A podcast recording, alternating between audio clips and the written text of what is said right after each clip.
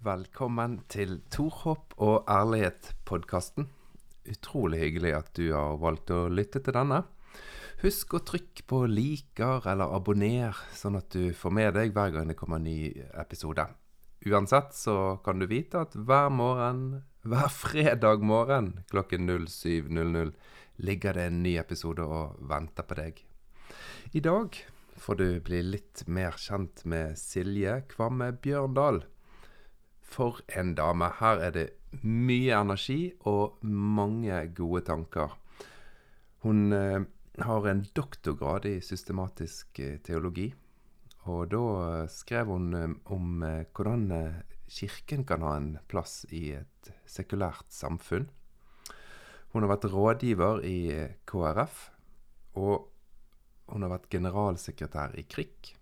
Og i dag er hun generalsekretær i Europagos. Du får vite mer om hva Europagos er for noe. Denne samtalen den kommer du til å like. Jeg garanterer det.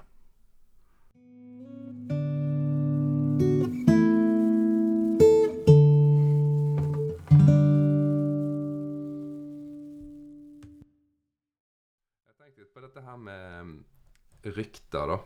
Eh, For jeg har eh, Det gjør jeg alltid når jeg, når jeg Oi, nå er jeg spent. Ja, ja, ja, ja. Jeg er veldig spent. Før jeg eh, snakker med en gjest, så lurer jeg alltid på Ja. Er det lurt å sjekke opp litt. Sant? Stille litt spør Ja. Stille spørsmål og Google. google. Ja. Stille spørsmål til folk som jeg vet eh, kjenner eller jobber sammen med de. Ja. Som regel så gjør jeg det litt annet. Eh, og ditt rykte er jo så utrolig bra. Alle jeg har snakket med, har sagt Å ja, ja, det er sant. Alle jeg har snakket med Nei, nå blir jeg veldig smigret. Tor Håkon, nå starter du veldig Ja. godt, altså. For da varmer du hjertet mitt. Ja, men jeg lurer litt på Når alle sier så Ja, hun er kjempegrei, og hun bryr seg om folk, og hun er klok, og alt sånt. Ja.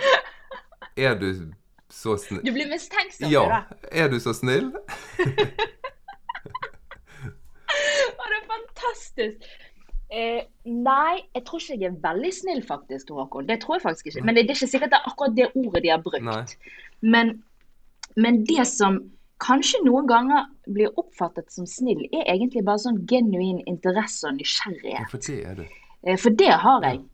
Eh, Det, det kjenner jeg sånn når jeg møter nye mennesker, så blir jeg veldig sånn nysgjerrig på liksom, hva, hva er din story, og hva er Og det må jeg si til Håkon med deg, så du, jeg vet jo på en måte hvem du er, for vi kommer fra Bergen begge Ja. to.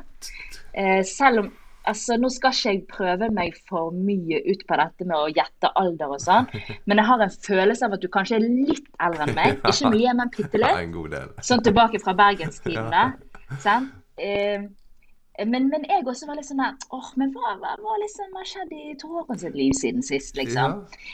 Eh, så, men jeg har ikke gjort så god re- research som du har. Men det jeg gjorde, til Håkon, var at jeg gikk inn på Facebook-profilen din. ja.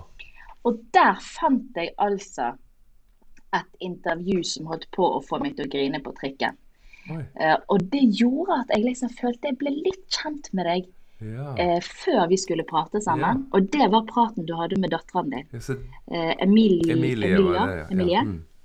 Så det var ryktet som gikk foran meg. Eh, så, ja, det var det. Ja. Og det var altså bare så utrolig fint eh, å få lov til å se og lytte til. Og også veldig sånn Kjente jeg ordentlig tok tak i meg. Fordi at jeg tror jeg som du, sant, som forelder, tenker sånn Selvfølgelig, mine barn ville kommet til Mm. meg med hva som helst. Og uansett så ville de kommet rett til meg, liksom.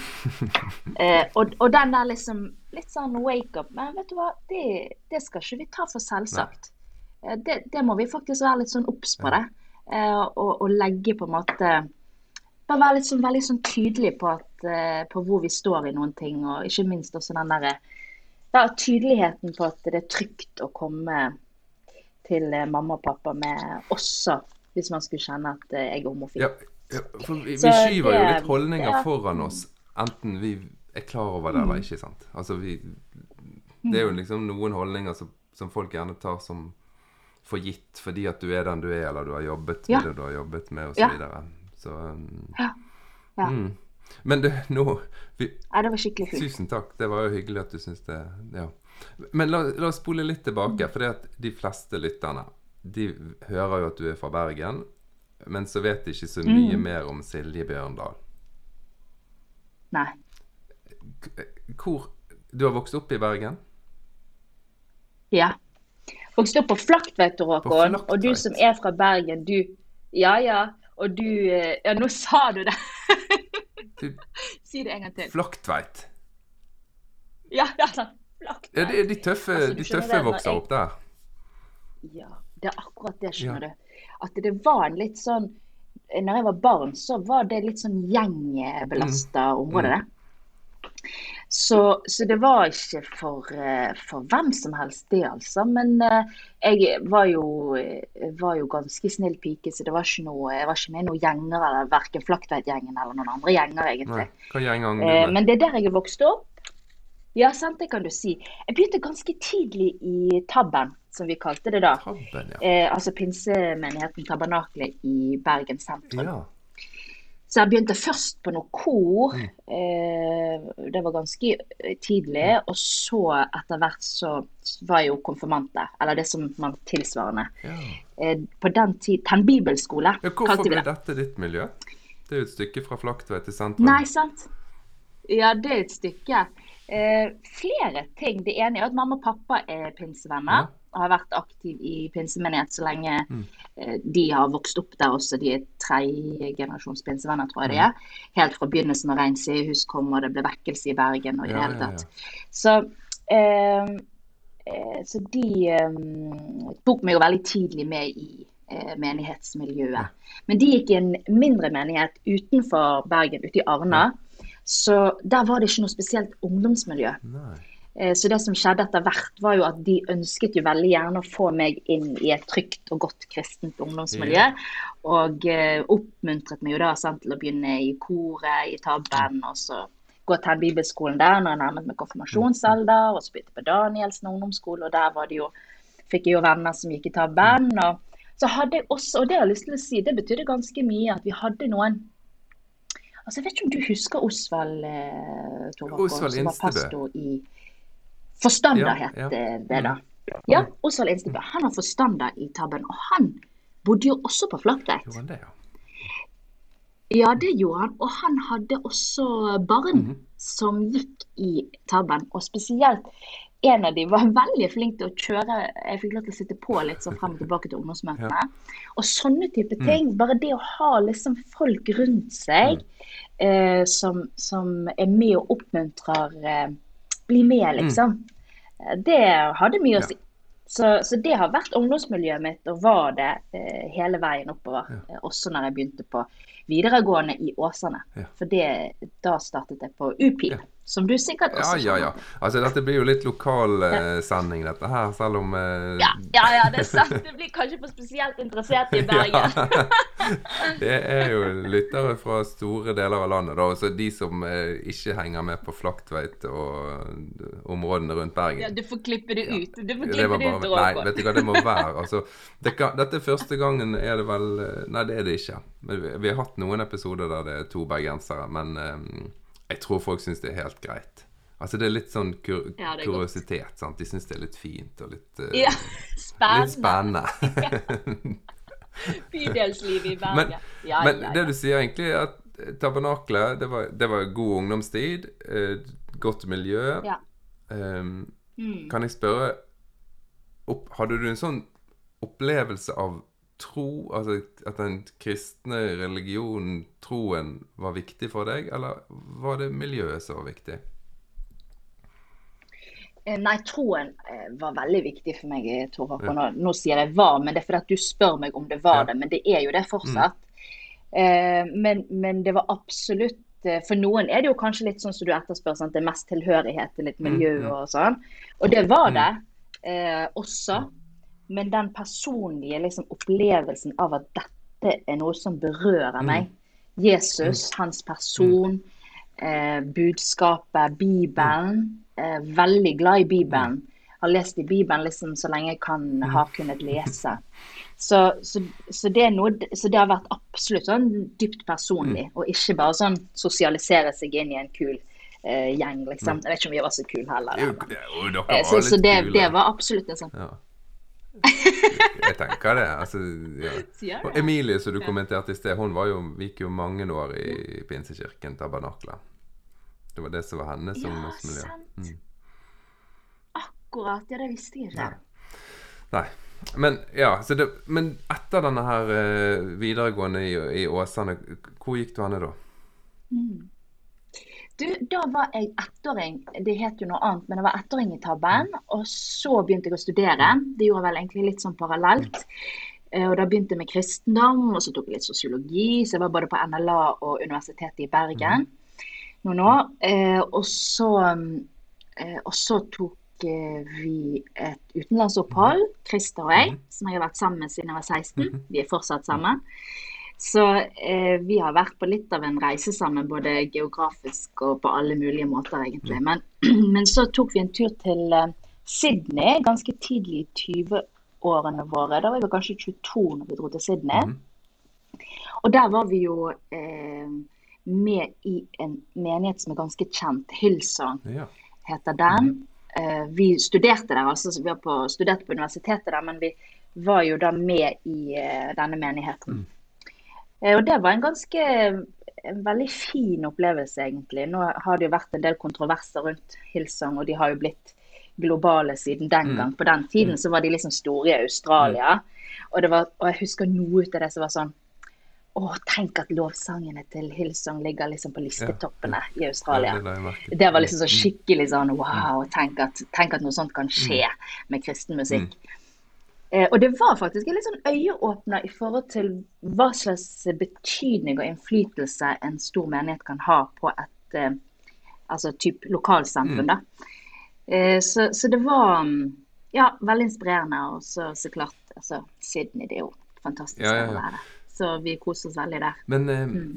når du sier at en menighet kan ha påvirkning på et lokalsamfunn, kan du si noe mer? Hva type påvirkning? Det, ja, det som egentlig rørte oss, tror jeg, mest, var jo alle de fortellingene som kom fram ut fra hva slags arbeid de drev med, enten det handlet om å hjelpe alenemødre, mm. eh, barn av alkoholiserte foreldre. Mm. Altså, de hadde et ganske sånn utstrakt diakonalt arbeid mm. som rørte Eller som kanskje overrasket oss, for at vi tenkte å, det er musikk, og det er kult, ja. og det er sånne type ting. Ja. sant? Um, og Brian Houston er kul, han ser ut som Nicholas Cage ja. og sånn. Ja, han er jo litt tøff, da. Men, men det ja, ja, er du gal fortsatt? Hvor gammel er den mannen, liksom? Uh, nei, så, nei, altså Så det var egentlig det som, som rørte oss. På sånn, Oi, de, de, her, de tar tak liksom, i lokalsamfunnet. De betyr noe for folk rundt mm. dem. De gjør noe liksom, med behovene som Altså, det var, var sånn ordentlig Og så kan man si det skulle bare mangle en stor, ressurssterk menighet, liksom. Men, men det, det gjorde inntrykk, altså. Men har ikke dette vært litt av utfordringen alltid? Eller alltid er et stort ord, da. Men for menigheter generelt. Apropos det med rykte, da. Så går det et eller annet sånn rykte mm. foran deg, enten som person eller som organisasjon. Mm. Sånn, sånn, er det jo bare. Eh, at mm. Kirken i veldig stor grad i historien har vært veldig opptatt av omsorg for de som har det utfordrende. Mm. Eh, men vi mm kommuniserer jo ikke alltid det like godt, da. Jeg vet ikke hvorfor. Nei. Nei, altså det, det der er faktisk veldig eh, Jeg tenker i vår tid også veldig, veldig eh, viktig å reflektere litt rundt. Mm.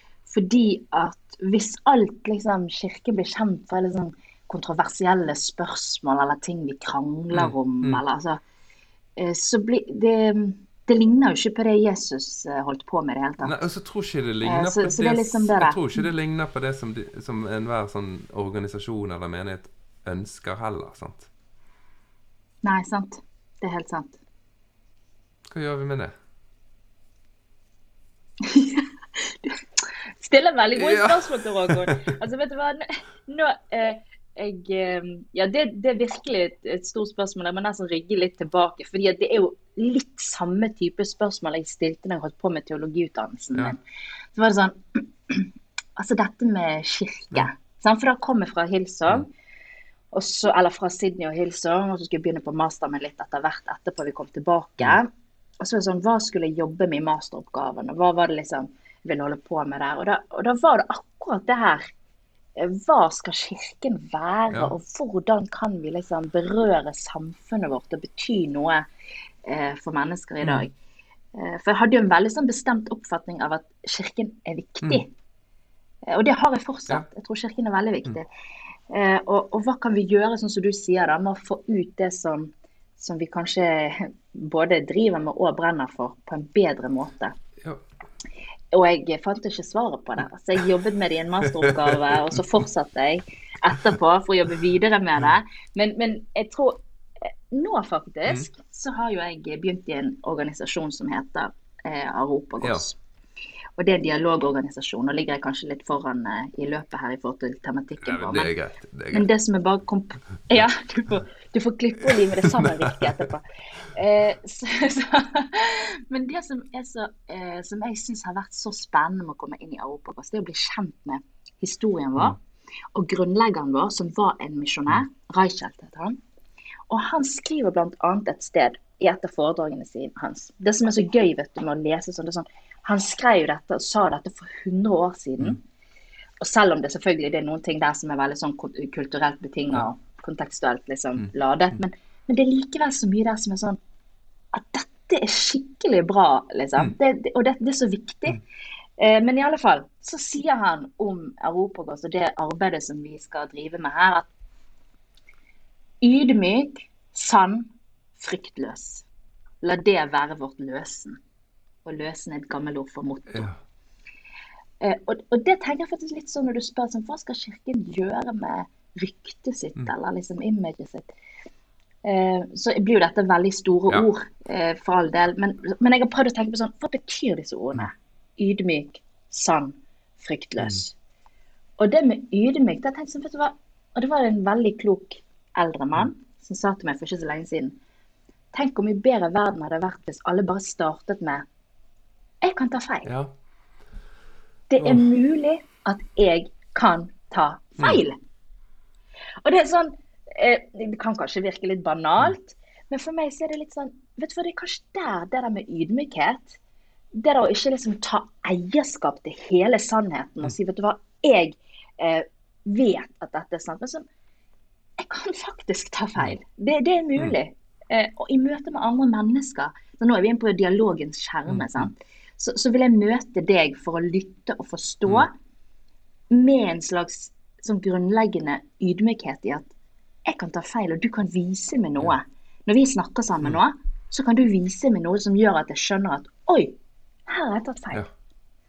Og, og altså, jeg tror Kirken også med fordel Jeg sier ikke at det ikke er sånn, eller ikke har vært sånn, men jeg tror kanskje at litt mer vi kan ta Ja. Eh, Også det andre var jo dette med Nå prater jeg ja, bare. du gjorde det, men det er veldig fint. Men det var et veldig stort spørsmål. Ja, det var kanskje litt urimelig svært, men eh, det var datt ut. Mm. Ja, men bare, bare avbryt meg. Men jeg skal bare si noe om dette med sann og fryktløs. Fordi at ydmyk? Hvis, hvis vi tenker at ja, OK, jeg kan ta feil, blir det da sånn at vi aldri kan stå for noe, aldri kan hevde noe, aldri kan Men det var jo ikke poenget. Poenget er sånn vi, vi er ydmyke, vi kan ta feil. Men ut fra det jeg har sett, så vil jeg være sann. Mm. Så vil OK, ut fra det jeg har sett, så vil jeg stå for noe. Så vil jeg på en måte løfte noe opp og være ærlig og sannferdig både i det jeg hevder og det jeg kjemper for. Og så er det det med fryktløs. da, Det henger jo sammen med det. sant? Altså Det å faktisk være modig og si sånn Ja, jeg kan ta feil, men jeg har sett noe her som jeg vil kjempe for. Inntil eventuelt noen viser meg at ja, det må jeg justere litt på. Her er det et eller annet som jeg ikke har sett. For jeg vet jo at jeg ikke har sett alt. Så jeg tror Jeg vet ikke, kanskje Kirken Ja, kanskje vi noen ganger har vært veldig gode på det med å være sann. Kanskje vi noen ganger er veldig gode på å være fryktløs, gå i kampen. Og kanskje vi noen ganger også har vært for sånn Å nei, vi kan ta feil i alt. Det er ingenting i vårt budskap som egentlig er sant. Det blir jo den andre grøften. Men så hvis vi klarer å holde sammen disse tingene, ydmyk, sann, fryktløs, så håper jeg liksom at vi kan bli relevante og viktige Mm. i vår tid. Men tror ikke du det Prat, Ja, nei, prat. dette, men jeg, jeg- lurer jo litt på på om, om det handler litt om motiv. Da. Dette er jo sånne tanker som jeg har måttet jobbe Ja. med. Sant? Fordi at eh, Ja. Jeg opplevde at jeg var med i et arbeid som var veldig positivt på utrolig mange måter. Jeg jobbet som Ja. ungdom, barne- og ungdomspastor. Masse barn og ungdom. Virkelig mange. Det er veldig, veldig kjekt. Eh, Vi bygde det som jeg opplevde som et veldig sunt barne- og ungdomsmiljø. Ja. Um, men på et eller annet tidspunkt så opplevde jeg at liksom, motivasjonen for det en gjør, endrer seg til å være en uh, vi er stor, dyktig og skal påvirke-tankegang. Mm. Fra å være la oss bygge et miljø som er sunt for de menneskene som er her, de vi møter, eh, osv., så, blir det en motivasjon av å Det var derfor jeg spurte om det der med påvirkning, som du sa om Hillsong. For det, Ja, ble, vi, det ja, ble jo vi på Leve nå veldig opptatt av. Eh, både politisk påvirkning og liksom bli mange og ha makt og, og Dette er igjen bare tanker, sant? men for meg ble det litt sånn at, Å ja, her mister vi litt sånn ikke, Jo, mista litt eh, det som var utgangspunktet for uh, hele prosjektet. Uh, fordi at motivet endrer seg til å bli Vi skal være stor og flink og kul og tøff. Uh, mer enn folk. Jeg vet, Ga det noe mening? Ja, absolutt. Og så lurer jeg på da, og dette er et helt åpent spørsmål, det er ikke sånn eh, retorisk. Går det an å ivareta begge deler, eller tenker du at idet man åpner den døren hvor man liksom tenker nå skal vi ha innflytelse, så mister vi det andre? For det kan være at det er sånn. Så jeg spør liksom, Ja. hva er din erfaring, hva er din opplevelse, refleksjon i Nå etterkant? spør, nå spør jo du like stort som meg, da. Eh, det er Ja. litt dårlig gjort, det der. jo, men nei, det det jeg har lurt litt på, om det, er, om det er mulig å kombinere. Fordi at i det vi skal bli stor og påvirkes, så blir det så mye av den tanken at det er jeg som sitter på det rette svaret, og deg som jeg møter, du har et feil svar. Um, jeg, jeg, jeg var på en sånn meg og Beate, min kone, som jeg var sammen med siden jeg var 16, og fortsatte sammen med. Oi! Eh, vi var på en sånn, eh, sånn, sånn Jeg tror det kalles re... Jeg vil bare si, Det er ikke så ofte jeg treffer noen som kan si det. Nei. på Jeg føler nesten vi burde jeg vet ikke, jeg feire med en skål eller Ja, noe. jeg, vi inviterer dere. men dere bor jo ikke i Bergen. Nei, vi Nei, ikke men vi er ofte i Oslo. Vi har to barn der borte. Um, men, men nå datt jeg helt ut. Hvor var vi henne? Nei, sorry, sorry. Ofte med dette med stor påvirkning, Ja. så skjer det noe, kanskje. ja. Som ja ikke jo, så nå bra. var det Jeg følte det var dit du ville. meg og min kone Beate, vi var da på en retreat-plass borte i, i Wales. Og så Ja. brukte jeg litt tid på de bønnene de hadde skrevet ned der. Og den ene bønnen, den slo meg veldig sånn Wow, det var en annen tanke enn jeg er vant til å be. For da ba de da hver dag om at Gud, du må være i munnen på de som prater med meg. Altså som prater til meg. Og for meg var det en veldig fin, fin bønn, da. For det, så, det henger jo litt sammen med den der hvis jeg skal lære å forklare alle hvordan de skal tenke og oppføre seg og holde. Men jeg merket at den bevisstheten der gjorde noe med min interesse for å forvente at de jeg møter, har noe å gi, gi meg. sant? Så vær i munnen til de som snakker til meg. Det, Ja. Så det jeg, Nei, jeg vet ikke, jeg. jeg. Jeg bare håper at Jeg håper at vi i hvert fall er mest opptatt av den første delen, og mindre opptatt av å være de tøffe. Mm. Men du, i den samtalen du hadde med Emilie, så sa jo du at du og Beate hadde gått ut av eh, den sammenhengen dere sto i. Mm. Eh, har, har dere funnet en annen sammenheng, og har dere funnet en annen type tilhørighet? Og, eller ikke sikkert dere har kjent noe behov for det, men, men eh, jeg ble litt nysgjerrig på det når jeg hørte deg snakke med henne. Ja, um, jeg lovet jo meg sjøl dypt og inderlig at jeg aldri skulle nærme meg kristent arbeid igjen etter, etter menighetsbruddet. Det, Oi, det ja. gjorde jeg. Det er helt sant. Ja. Eh, og det gikk flere år der jeg ikke klarte å lese Paulus. For når jeg leste Paulus, så hørte jeg eh, Ulf Ekman og andre store eh, Ja, kristenledere Ja, jeg, jeg klarte ikke helt å ja, Paulus ble en enorm skråsikker uh, sjef som hadde svar på alt når jeg leste det. Um, Mm. og så har vi meg og Beate vi har funnet en tilhørighet i, i kirken, Søreide kirke, her som vi bor, da. Eh, veldig Ja, fine folk der. Um, Mm. men det tok jo ganske mange år, og, for, og i mange år var det viktig for meg og Spesielt hvis mennesker som bekjente seg som kristen, spurte om jeg var kristen, da svarte jeg nei. Mm. Det var viktig for meg å bare Nei, fordi at det er Apropos rykte, så er det knyttet så utrolig mange holdninger til det ordet om å være kristen, som jeg ikke hadde lyst til å identifisere meg med. Um, Og så Så ble det dette her Skeivt kristent nettverket. Det har du hørt om?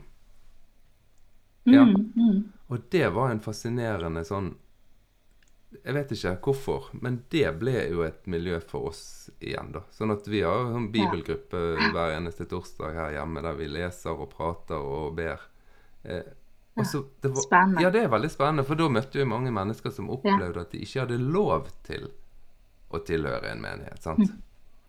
Eller tilhøre et kristent miljø. Og det forandret mye av Nei, jeg vet ikke. Dette livet er fascinerende, altså. Hva vei som eh, blir en god vei, det aner jo du aldri på forhånd. Men Nei. Så Skeivt kristent nettverk og Søreide kirke har vel blitt en sånn tilknytning for, for oss, da. Men tenker du det er viktig å tilhøre en, fint å høre det. Tenker du det er viktig å tilhøre en sånn organisasjon? Ja, altså, du vet, jeg gjør jo det. Altså, jeg tenker at det kristne fellesskapet er veldig viktig. Mm. Men så er det jo minst like viktig at det eh, fellesskapet har takhøyde og eh, rom og alt som er for livets eh, mangfoldighet og alt det vi Og det du er inne på. sant? Vi vet liksom ikke hvor veien går. Og i det øyeblikket det kristne fellesskapet blir det motsatte, altså det som, det som kveler oss, eh, så, så må jo folk bare løpe. Mm. Eh, så det mener jeg jo virkelig. Eh, Men jeg, men jeg har fortsatt en sånn hjertet mitt en drøm om å, å få lov til å, å være med på å bygge den type fellesskap da, hvor, hvor mennesker kan komme med hele livet sitt. Og jeg opplever at jeg får lov til det eh, der jeg er nå, eh, og at det er et veldig godt sted å være. Og da mener jeg liksom i, ikke, ikke sånn bare liksom å, det har skjedd noe vondt og vanskelig og sånn, men gjennom at livet har ulike faser. Ja. sant? Altså småbarnslivet, herlighet, og du, og du kan ikke komme og stille opp hver søndag klokken fire liksom, og være der i syv timer. Eller, altså skjønner du, altså livet er jo så ulikt. ja til faser. Og, og det å få lov til å ha et felles Ja. ja. sant? Altså ha et fellesskap og liksom Og så kommer vi til å bli gamle, Tor Håkon, og hva da, liksom? Er vi fortsatt Ja, men så skjønner du, altså Har man fortsatt en plass og verdi og rom i det kirkelige fellesskapet, og på hvilken måte? Nei, det, Jeg er veldig opptatt av det, at de kirkelige fellesskapene de må romme oss som hele mennesker gjennom hele livet. og ha bærekraft i seg til å tåle litt. Der må jeg si at jeg syns, fra min personlige opplevelse, så er kirken veldig fin. Ja, Der er det veldig plass til mennesket. ja. Men, men hva når du. Og da, når du sier kirken til Håkon, så mener du Den norske kirke, bare sånn at jeg skal presisere overfor lytterne dine. det Takk, det mener jeg. Ja. For du vet, Noen av oss tenker at kirken, den store kirken er liksom det store treet med alle disse greiene, de ulike konfesjonene.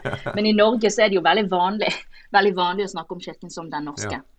Og, eh, og jeg er jo helt enig med deg, og det må jeg bare få lov til å si at der, altså den betydningen og rollen som Den norske kirke har rundt om i hele landet Mm. vårt, eh, det har jo gått opp for meg mer og mer. At det er helt uerstattelig. Altså, det, det er fantastisk. Og der har vi en Altså, vi skal bare være glad for at, eh, at vi har det. Mm. Da, det må, da må jeg skyte inn noe. For jeg tror Kirken har en veldig lysende framtid òg i det norske samfunn. Jeg, jeg tror, Ja, kom igjen, få høre. jo, det tror, jeg tror Kirken har en enormt viktig plass i samfunnet fremover også, da.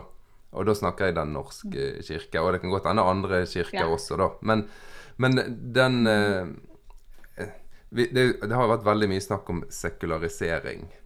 Og, og, det, og underforstått en sånn tanke om at eh, religion forsvinner fra menneskene i, i det norske samfunn. Nei, det, det tror jeg ikke på nesten i det hele tatt. Jeg tror folk er akkurat like religiøse nå som i 1950. Det tror jeg. Altså, jeg må få, jeg, men, jeg må få skyte inn til Håkon. Du vet at statistikken er jo mot deg. Altså i forhold til hvem som sier de tror på Gud. Men du har nok en teori. Ja, eh, riktig. En litt sånn, eh, sånn ølen teori. Men eh, Ja. det er jo fordi Det er jo litt sånn som meg, sant. Som i flere år bare Hvis jeg hadde blitt spurt Er du en kristen? Nei. Ja. Definitivt ikke. Tror du på Gud? Ja, da må du først forklare meg hvilken Gud du mener. Er det den guden som, er, som er veldig full av hat og sinne? Nei, den guden tror jeg ikke på. Mm, Tror du det fins et opphav? Tror du det fins noe som knytter oss sammen? Tror du det fins noe mer enn bare atomer og, og kjøtt og blod? Ja. Materie. Ja, Ja. definitivt. Og skal ikke jeg det, det har jo vært veldig fascinerende for meg å starte Torhopp og ærlighet òg, sant. Å se på type henvendelser og kommentarer og spørsmål som kommer. Ja. Eh, Ja. Og de går jo mye på sånn For meg har det i mange år vært helt uaktuelt å forholde meg til Bibelen. Mens dette er en eh, tilnærming som gjør at jeg igjen kan tenke på tro. Eh, og, og den plassen tror jeg Kirken kan ha for veldig mange. For Kirken var jo Og har. Og, Og har hatt. ja. Ja, men, men. Kirken har jo vært en sånn maktsak, sant. En, en politisk makt, og, og det er det Ja. Så da er jo litt tilbake Apropos innflytelse Ja. Og, og, påvirkning. og urimelig og usunn innflytelse, kanskje, sant. På en del områder. Eh, men har jo definitivt blitt sparket ned fra den pidestallen der en mm. Der det var superstatus å ha en, en kirkelig jobb, sant. Mens Og det er det jeg kjenner litt at ja, kanskje det da er mulig å finne det som virkelig er kjernen av tro, og det er jo menneskemøter, sant? Eller? Ikke det? Ja. Ja, nå snakket jeg. Dette, Jeg er det din, helt dette er din episode, men det, du spurte meg, sant? så det, det er ikke bare min skyld. Jeg syns det er kjempespennende Drogon, å høre hva du tenker om dette, med, eh, spesielt dette om Den norske kirke. For jeg, jeg tror det er helt riktig jeg, at Den norske kirke kommer til å få en ny rolle fremover. Sant? Med skille av eh, stat og kirke, som for så vidt ligger litt bak oss i tid, men som likevel har tatt noen år å implementere. Sant? Og, og folk skal Og ikke minst det liksom eh, eh, tankeskifte om at, om at eh, vi har ikke en statskirke lenger. Og at Den norske kirke, sånn som du sier også, da, får jo ikke i, i, altså får i mindre grad en hegemonisk rolle. Selvfølgelig i kraft av å være så og så mange medlemmer, så vil den ha en helt altså sant, Den er jo stor. Eh, Men, men likevel så tror jeg også på det du sier, at det finnes en fremtid for Den norske kirke som, eh, som, som er virkelig håpefull og full av muligheter. Det er jo litt morsomt. Jeg vet ikke, Snakker du like mye om Den norske kirke med andre eh, gjester du har? Du vet, Jeg er jo ikke medlem av Den norske kirke selv, Eh. men har veldig, også sånn som du sier, tro på fremtiden til Den norske kirke. Jeg hørte gjennom noen episoder, for jeg lurte nemlig på det da, som du spør meg om nå. Og for jeg ble litt ok. overrasket over å høre hvor mange reklameepisoder det var for Den norske kirke. Da må du klippe litt. Ja, jeg har jo, jeg har jo jukset skikkelig, eh, men jeg sa det til lytterne nå i forrige episode, at eh, jeg begynte jo denne podkasten som veldig sånn Jeg skulle ikke ha noen forutinntatte Eller alle har jo forutinntatte, men jeg skulle prøve å nullstille meg så mye som mulig. Og stille de ærlige spørsmålene rundt tro og religion. Eh, spesielt den kristne religionen. nå. Men så merker jeg at dette med, med troen, det ligger så mye nærmere meg at, eh, at å, å late som jeg har en sånn nøytral holdning når jeg stiller spørsmål og leser Bibel, det, det er bare, tøy, bare tøys, da. Så ja, så det er noe Da er det bedre å være transparent med det. Det er jo det som er løsningen. Også i forskningen. sant?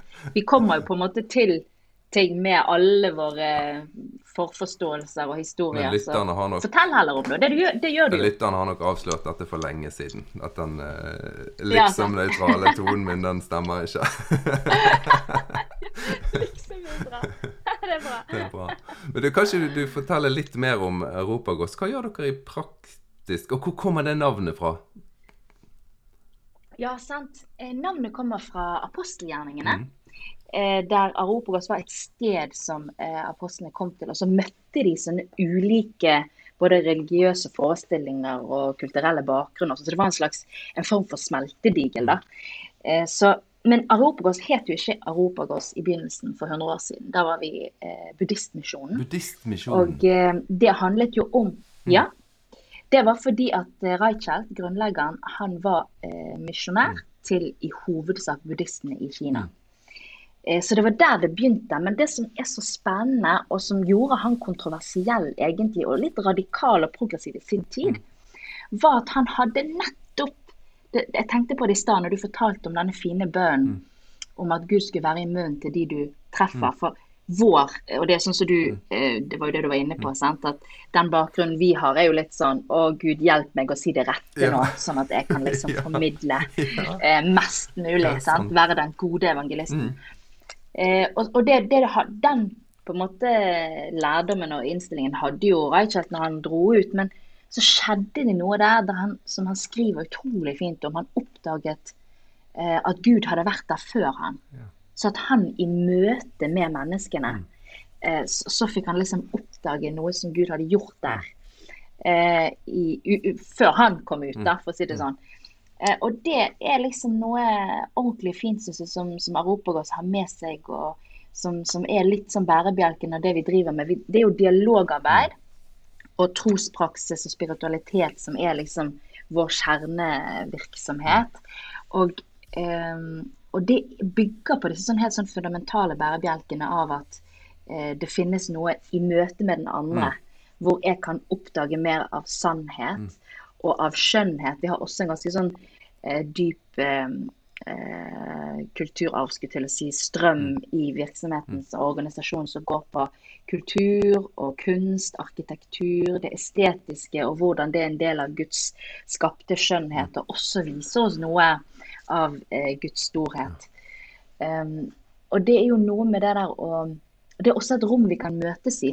Kunstens og kulturens rom er jo sånn De uttrykkene er jo et sted hvor vi kan komme fra helt forskjellige sider, og så kan vi se forskjellige ting, men det gir oss noe sånn eh, å møtes rundt og i. Eh, så Aropogas er ganske mye. Eh, vi har kontorer i Oslo og Danmark, og så er vi også med og driver en virksomhet i Hongkong. Mhm. Og støtter noen prosjekter inn i mainland, eh, mainland China. Kina. Så um, vi, vi er en mangslungen eh, virksomhet, men, men liksom det samler seg rundt denne fortellingen og disse verdiene rundt det å, uh, å få lov til å møte andre med den forventningen Mm. om at eh, Gud har vært på ferde før vi kom dit. Ja. Men, men det, det er på en måte Eller ikke bare på en måte, da. Det er jo en misjonsorganisasjon, da. Ja, absolutt. Det er det. Uh, Så har de jo nok mer og mer form av dialogvirksomhet sånn gjennom disse hundre årene. Det handler litt om liksom hva slags samarbeid er det vi er i, og vi har vært med å starte disse kirkelige dialogsentrene rundt om i, i landet, og um, har nok eh, eh, også lagt en del vekt på det. Og det er jo litt sånn for at det, eh, hva er misjon? Det er jo Mm. det som egentlig er grunnspørsmålet for enhver misjonsorganisasjon. Ja, veldig bra spørsmål. Mm. Og, og det er et stort spørsmål, sant? Eh, Og ligger, og Apropos det som du kaller kirken, altså Den norske kirke, har jo gjort veldig grundig arbeid på disse tingene. her. Hva er misjon, diakonalt arbeid, evangelisering, alle disse ulike uttrykkene. For det er egentlig som bare handler om hvordan lever vi som eh, lever vi som kristne og, og formidler det eh, budskapet som vi tenker er eh, evangeliet, da. For å bruke et litt sånn eh, eh, internt språk. Men, men det er egentlig det som også er kjernen i sin virksomhet. Det er hvordan, hvordan eh, leve dette ut, rett og nå. I dag. Ja. Mm. Ja. Ja, og det er, viktig, og det er veldig viktig Ja. det du sier der nå i dag. Fordi at altså, Jeg hadde senest bare for noen dager siden en samtale med en av lederne for dialog, et av de kirkelige dialogsentrene. Uh, og Hun sa noe veldig spennende, og det er jo det at dialogen blir jo hele tiden til eh, som en del av samtiden. Fordi at du går hele tiden i samtale med noen. Ja. Og det er en sånn dynamisk eh, aktivitet. Det er noe som oppstår sant? i dette møtet, i dette dialogmøtet. Og det tenker jeg liksom, det er jo egentlig også det kirke, misjon, hva skal Den norske kirke være nå fremover? Jo, det er egentlig en sånn pågående dialog med samtiden. Ja. Det er jo det er jo- det bør være, ja, sant? Det er nettopp det. Og, og det har jo vært noe av styrken. Det er jo noe av styrken i, i, Ja. i den kristne arven. Det er dialogen Ja. og villigheten Ja. til å være i dialog. Men, Ja. Absolutt. der, da, men da er vi tilbake til noe av det som jeg sier at jeg tenker litt er utfordringen, da. Fordi at jeg syns at den dialogen, den går så Vi ligger sånn etter, på en måte. Og så når vi har hatt dialogen, så blir Kirken den største eh, aktivisten for emnet. Altså um, Likestilling, da. Bare ta et sånt eksempel. Vi satt jo på bakbeina og bandt oss fast med kjetting for å unngå likestilling, sant? Eh, Mens når det blir en Noen fortsatt, eh, noen fortsatt Tor Ja, på. ja, men det, det, ja, det, skal, det skal ikke være for eh, kranglete her. Så da tenker jeg Men mens, no, mens kirken nå, sant eh, Og da snakker jeg igjen Den norske kirke, er jo virkelig en organisasjon som ønsker å være fremme i skoen på det området nå. Men det måtte liksom overtalelsesmakt til da, i, i samtalen for at det skulle skje. Og, men når det har skjedd, så opplever jeg kirken er enormt støttende. sant? Og, eller ta eh, Jeg var snakket med noen i Kirkens Bymisjon, og jeg skjønte Jeg visste ikke det, men de driver da overnattingssteder for prostituerte. Liksom, her kan du komme inn og få dusje, sove, være i fred, eh, få en pause fra livet som er for krevende. Eh, altså, da er jo kirken på sitt aller, aller, aller beste, sant? Mens også der så ville jo du kunne gå tilbake og sett at det, det har jo ikke alltid vært den holdningen i, i kirken. Um, Så jeg, jeg, er tenker at noe av styrken for kirken er villigheten til å være i dialog. Men så er noe av utfordringen er når vi sier nei, det er vi som har et riktig svar her. Vi har en riktig tolkning av livet. Så, så den endringen der går ikke vi med på. Um, ja. Skjønner du hva jeg mener her? Ja. Jeg tror, jeg tror jeg skjønner hva du mener, Tor Håkon, men eh, det som, som, eh, som jeg tenker også en del av bildet, er at det finnes en verdi i å også være en konservativ kraft. Ja. Eh, og det er jo også en del av eh, kirkens historie. Mm. Eh, og med det så mener jeg sånn at eh, kirken er stor, mangfoldig. Bare Vi er mange mennesker, men også forskjellige konfesjoner. og Vi har forskjellige personligheter, bakgrunn og kultur. Tenk på den verdensvide kirken. ja, ja, ja. Og hva er man opptatt av på de enkelte stedene osv. Mm. Og så er det sånn at noen, og sånn er det gjennom hele historien, er fanebærerne. Det er de som går fremst Mm. sant? I, i, på en måte, i, i progressive endringer, enten det er likestilling eller hva det er for noe, som, som roper høyt, og som er like sikre i sin sak som de som er helt bakerst i toget og nekter å liksom Nei, dette er en endring vi er helt uinteressert i. Dette er helt feil. Vi kan ikke gå i denne retningen. Sant? Altså på hver sin side av det her liksom ja. hva skal jeg si, endringstidens tog, da, sant? som vi alle er en del av om vi vil eller ikke. så er det Ja. det. Selv disse kristne som nei, jeg er ikke sekulær. Jo, du Ja, er du er sekulær. Det er bare til å omfavne det. Finne ut av hvordan det påvirker deg istedenfor. Ja. Så, så, men, men, men det er en styrke, faktisk, i at det toget strekker seg ut og rommer alt det her. Ja. Til og med noen av de treigeste, mest konservative, bakoverlente. Og så vet jeg, og jeg kjenner det igjen selv også, at det kan være ekstremt frustrerende. Og noen av de er jo like lite interessert i dialog som de som ligger helt i front. Ja. Og jeg sier de om begge fordi at Ja. jeg selv opplever at jeg egentlig er litt sånn et eller annet sted imellom der. Det Det tar litt tid for meg, og det er med alt fra tech til andre ting, liksom. Som er bare sånn Hva er det som skjer der fremme? Hva er det de holder på med, liksom? Hva slags apper er det de har lastet ned?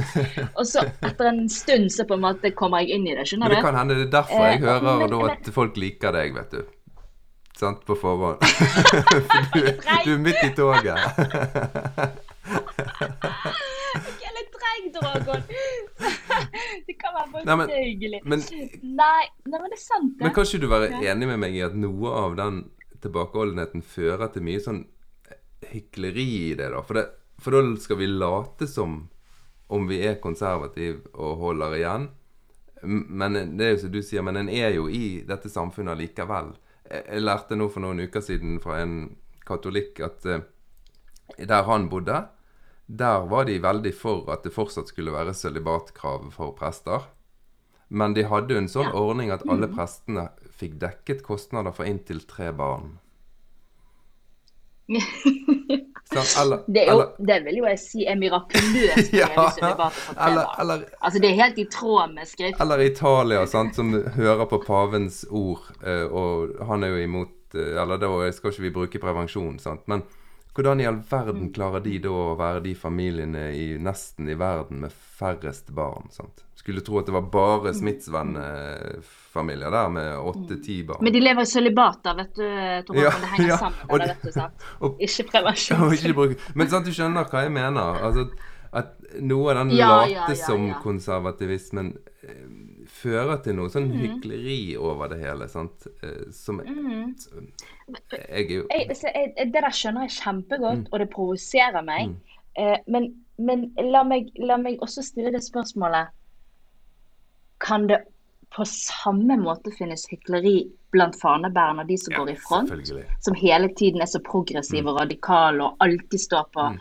den rette, frie sannhetens side mot all røkla baki der som ikke skjønner hvor dette toget er på vei. Definitivt. min opplevelse er faktisk at hykleri er ofte veldig likelig fordelt. Ja.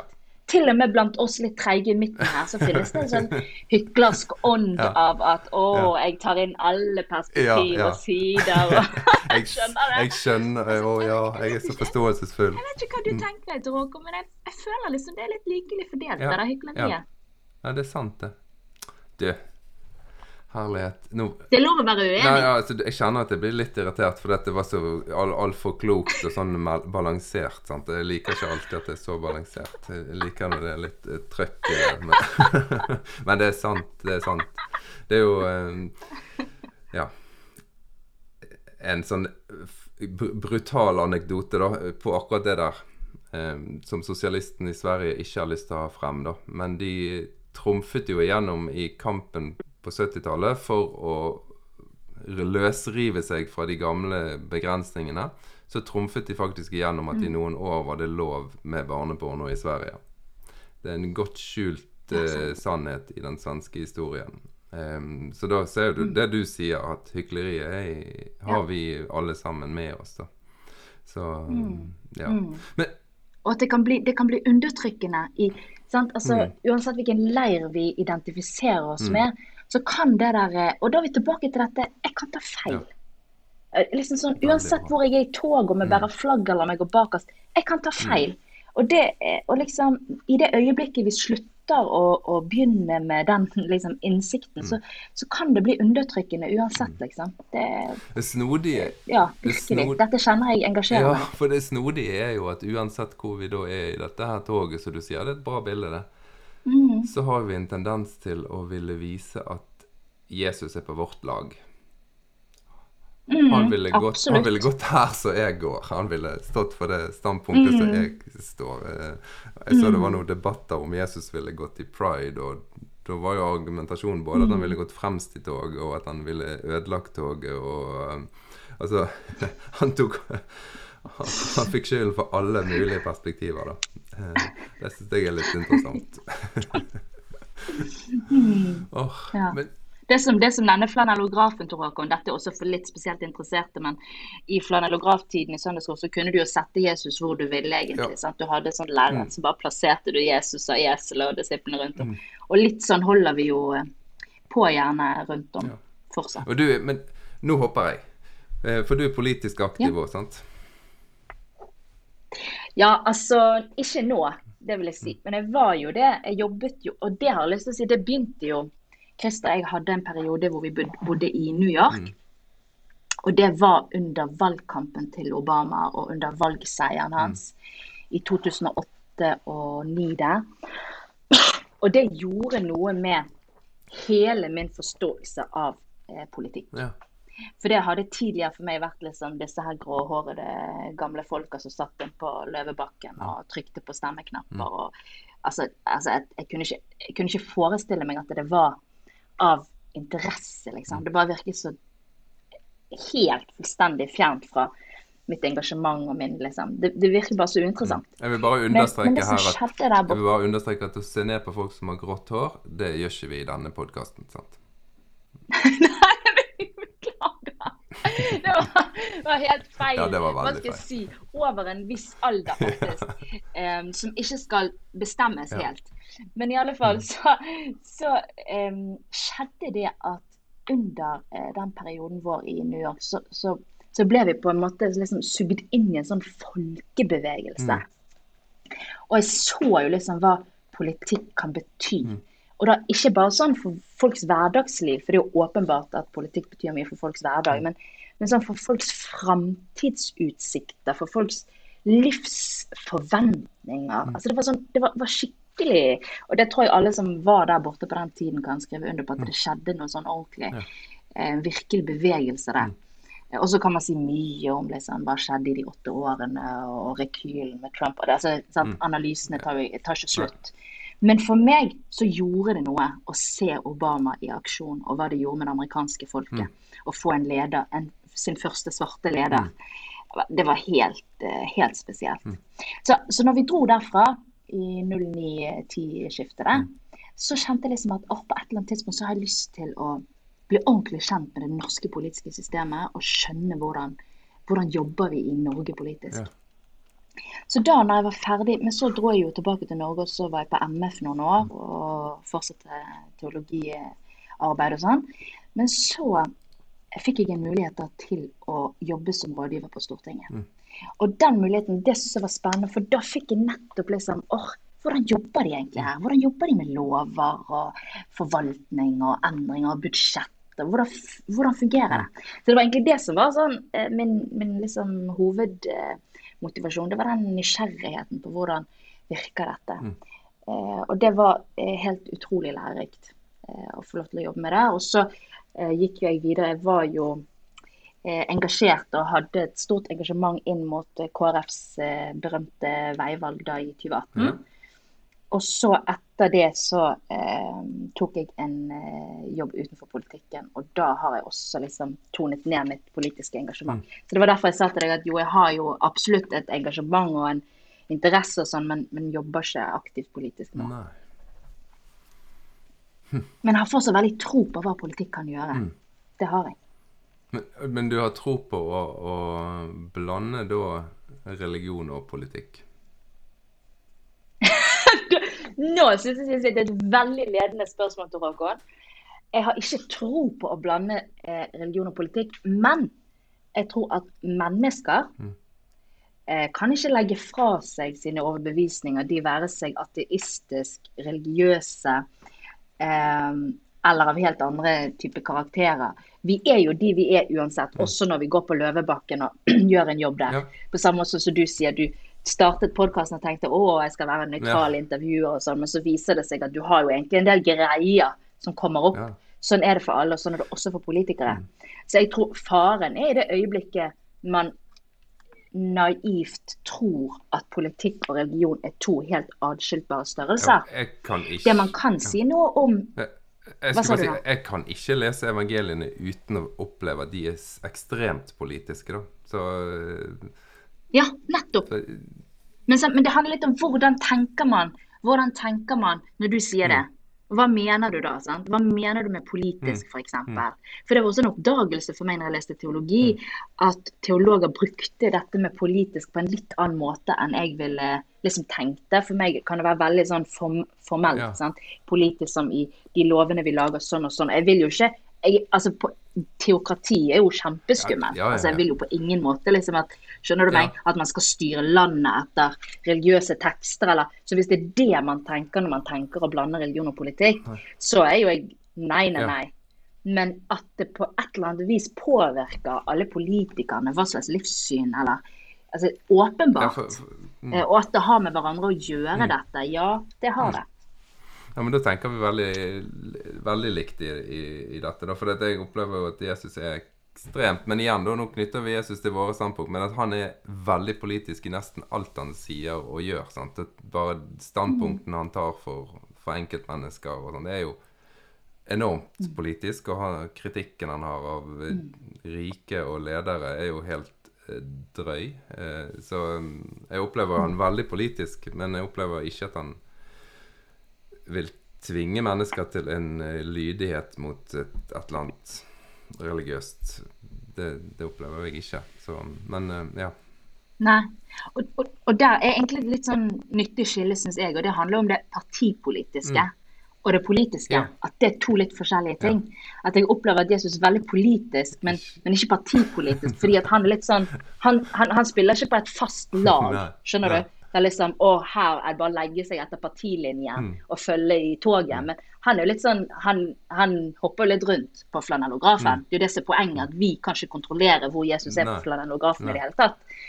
Og litt sånn tenker jeg jo at som kirke så har vi mye å lære av det.